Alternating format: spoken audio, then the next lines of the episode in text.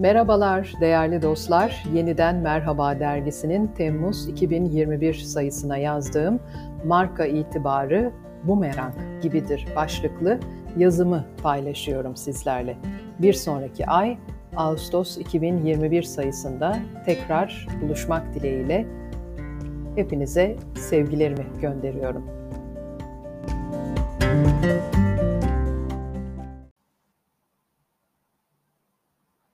Çanakkale'den dünyaya hitap eden 37 yıllık küresel bir marka olacaksınız. 35 ayrı ülkeye ihracat yapacaksınız. 14 Mart 2016 tarihli marka değerleme raporuna göre 86 ila 122 milyon lira yani 30 ila 42 milyon Amerikan doları aralığında marka değeriniz olacak. SPK'nın Yıldız Pazar kategorisinde işlem gören 157 firmadan biri olacaksınız. Uluslararası Bağımsız Denetim Kuruluşu tarafından her yıl denetleneceksiniz. Son 5 sene %40 büyüyecek ve 2021 sonunda yine %40 büyüme öngöreceksiniz. Pandemi dönemi 600 kişilik ek istihdam sağlayacak 2021'de de buna ilave olarak 500 kişilik daha istihdam düşüneceksiniz. 2021'de Edirne'de yeni bir fabrika yatırımı gerçekleştireceksiniz. Yabancı ortak düşünmek bir yana, bilakis Yunanistan'da dondurulmuş deniz ürünlerinde lider bir firmayı satın almayı planlayacaksınız. Bu an Türkiye'de yılda 200 gram olan kişi başı ton balığı tüketimini dünya genelinde olduğu gibi yılda 1 kilogramın üzerine çıkarma hedefiniz olacak. Mevcut %60 olan pazar payınızı daha da arttırmayı amaçlayacaksınız. 2021 yılı satışlarında %45 artış beklentiniz olacak. Ondan sonra da tüm bunları üst üste yapılan hatalı reklam çalışmaları yüzünden alaşağı edeceksiniz. Olacak iş değil. Çanakkale'den doğup dünyaya hitap eden küresel bir Türk markası olup da reklamlarınızla marka itibarınızı kendi ülkenizde, kendi ülke insanınızın gözünde nasıl bu kadar kolay eritirsiniz? Marka değerinizi, çalışmalarınızı, başarılarınızı, hedeflerinizi ve gelişiminizi anlatmak için kullandığınız pazarlama stratejinizde böyle ciddi bir boşluğa ve denetimsizliğe nasıl yer verirsiniz? Açıkçası akıl alır gibi değil. Bir marka oluşturmanın ne kadar meşakkatli ve süreklilik arz eden bir süreç olduğunu bilen için hatta tam manasıyla iç acıtıcı. Zira kolay kolay inşa edilemeyen marka itibarınız ne kadar kuvvetli ise piyasaya o derece hakimsinizdir. İletişim kazaları her zaman her marka için olabilir, anlaşılabilir, zaman alsa da telafi edilebilir süreçlerdir. Ancak bir tekrarlanma, hatta daha da ötesi en son yapılan bu akşam makarnaya koyuyoruz reklamıyla bile bile lades demek markanın intihar etmesidir. Üstelik de 7 ay içinde reklamdan kaynaklı iki krizle birlikte daha sonradan otomatik sisteme geçiş için değişimin başladığı açıklanan bir de elle paketlemeye dair video görüntülerinin dijital mecralarda sirküle olmasından kaynaklanan ve profesyonelce yönetilemeyen arka arkaya 3 krizle. İlki 2020 yılı sonu Aralık ayına, 2021 başlarına denk geldi hatırlarsınız. Ton mu yesek sloganlı reklam çok ciddi bir tepki almış. Dijital mecralarda marka linç edilme noktasına sürüklenmişti. Reklam esnafı kötülediği, sokak lezzetlerini aşağıladığı ve haksız rekabete sebebiyet verdiği gerekçeleriyle sosyal medya kullanıcıları tarafından yerden yere vuruldu ve en sonunda da Dardanel esnaf ve sanatkarlardan gelen yoğun tepki üzerine bir mesaj yayınlayarak ne esnafımıza ne de Türk mutfağına saygıda kusur etmemiz söz konusu bile olamaz dedi. Buradaki ne ne de bağlacı kullanımında yüklemin olumlu bitmesi gerektiğinin üzerinde bile durmuyorum. Ancak yazım hataları da kabul edilemez bir kurumsal metinde. Doğrusu ne esnafa ne de Türk mutfağına saygıda kusur etmemiz söz konusu olabilir cümlesidir. İkinci kriz, kurumun geçtiğimiz ay İtalya-Türkiye maçı öncesi yayınladığı bu akşam makarnaya koyuyoruz sloganlı reklamlarıyla geldi. Şimdi bir önceki reklamı hadi iletişim kazası diye görelim. Peki bu nedir? Bu artık bir iletişim kazası değil, bir zihniyetin reklam dili aracılığıyla kullanılan üslupla açığa çıkmasından başka bir şey değil. Nitekim reklamda eril dil kullanılmasıyla beliren cinsiyetçi zihniyet, kadınlar ve kadın dernekleriyle birlikte yine her kesimden ciddi bir tepki aldı. Gerek iş dünyasındaki üst düzey isimlerden, gerek toplumsal cinsiyet eşitliği için çalışan isimler ve gruplardan beni bizi kaybettiniz mesajlarıyla müşteri kaybına sebebiyet verdi. Şimdi burada onlarca revizyondan sonra anlaşmalı reklam ajansının ilgili departmanlardan yani kurumsal iletişim, pazarlama ve keza yönetimden kurumsal onay almadan reklamın yayınlanması söz konusu olamaz diye uzun uzun yazmaya gerek yok. Kurumlarda bu prosedürü yıllardır dağlar taşlar, uçan kuşlar biliyor artık. Yönlendirmesi ne kadar yanlış olursa olsun ajansın bu üretimi gösteriyor ki kurumda onay aşamalarından geçerken ciddi bir boşluk ve denetimsizlik var. Hatta mesleki hakimiyete dair zafiyet.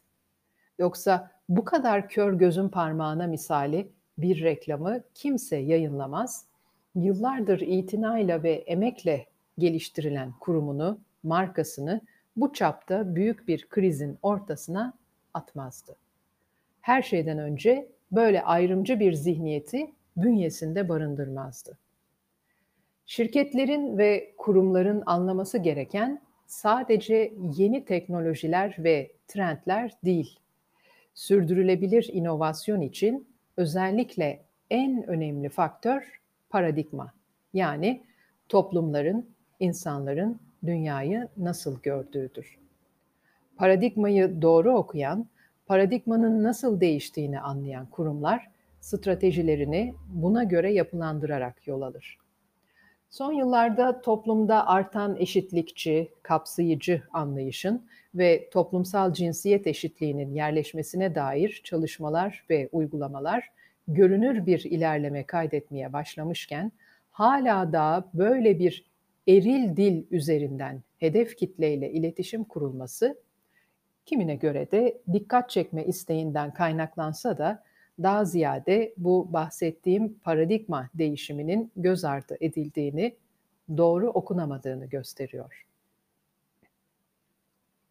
Kurumlarda itibar yönetimi ve bu konuda bir danışmanın yönetim kuruluyla birlikte mesai vermesi, yıllardır olduğu gibi keza, veya bağımsız yönetim kurulu üyesi olarak yönetimde yer almasının bir marka için ne kadar hayati önemi haiz olduğunu bir kez daha gösteriyor bu olay.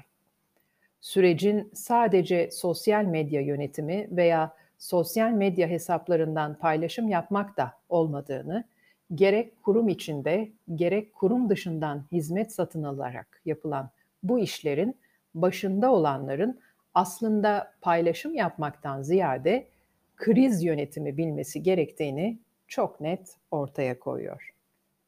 İnsan ister istemez başta sıraladığım onca başarıya, özelliğe, amaçlara, hedeflere yazık değil mi diye soruyor kendi kendine. Bu kadar basit, bu kadar kolay mı 37 yıldır yaratılan böyle büyük bir markayı kendi kendine sabote etmek? İtibar, güven gitti mi tekrar kazanılması tıpkı oluşturulması gibi yıllar alıyor.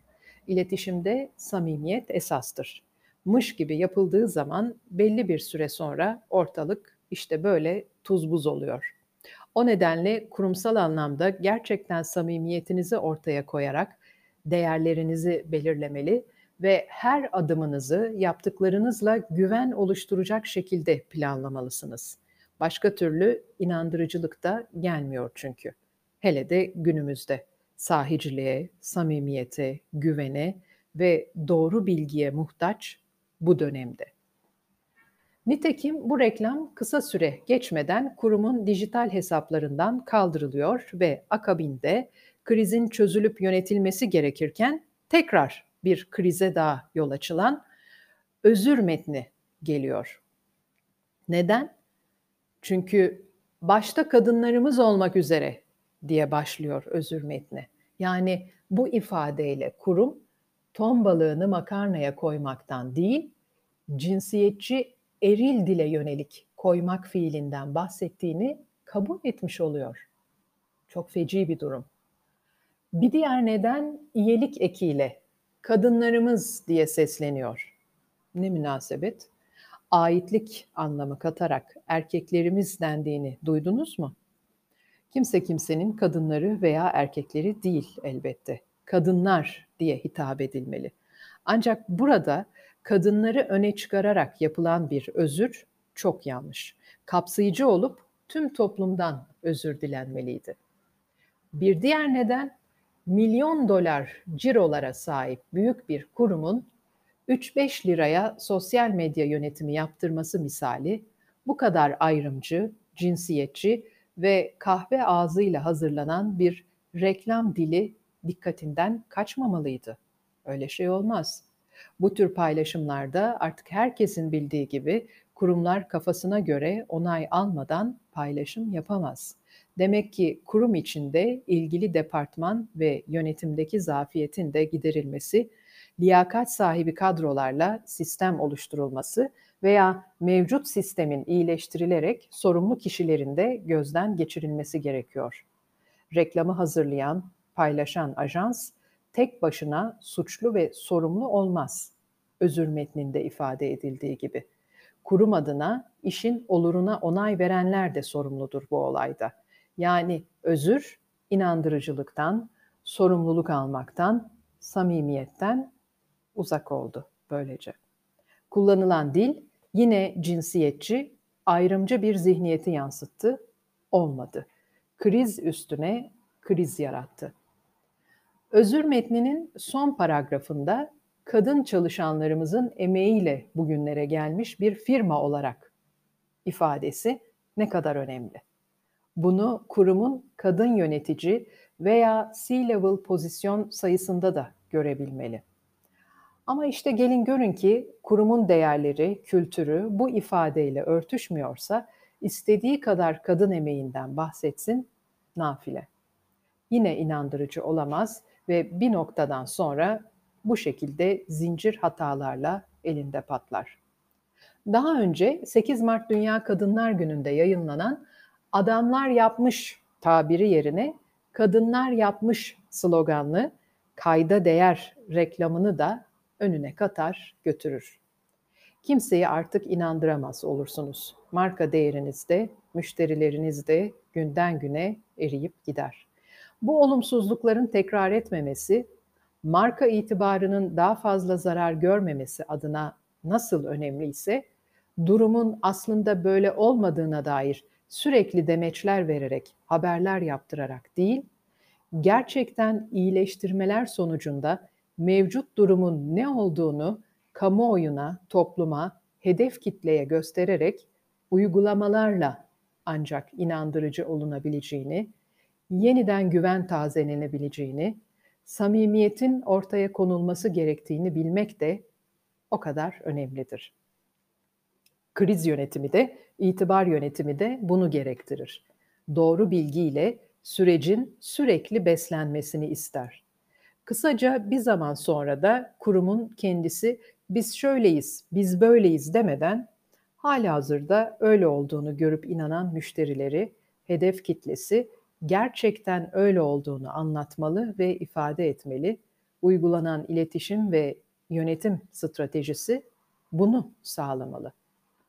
Ayrıca özür metninde vurgulandığı gibi şu andan itibaren değil, ta en başından iletişimi birincil pozisyonda ele alıp itibar yönetimini, tepe yönetiminin ve nihayetinde tüm paydaşların bir felsefe olarak sürdürülebilir kılması için çalışılmalı.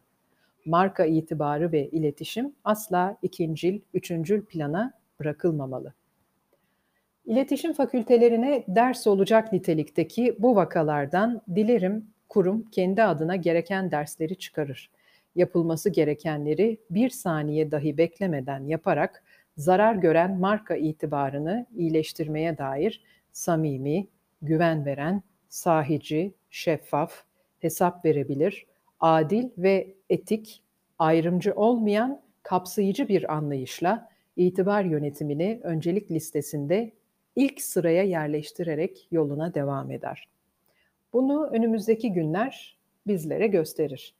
Bu ölçekteki firmalarda patrondan yöneticiye, çalışandan tedarik zincirine ve kurumun temas ettiği tüm paydaşlara dek atılan her adımın marka itibarını ilmek ilmek dokuduğunun bilinciyle hareket edilmeli.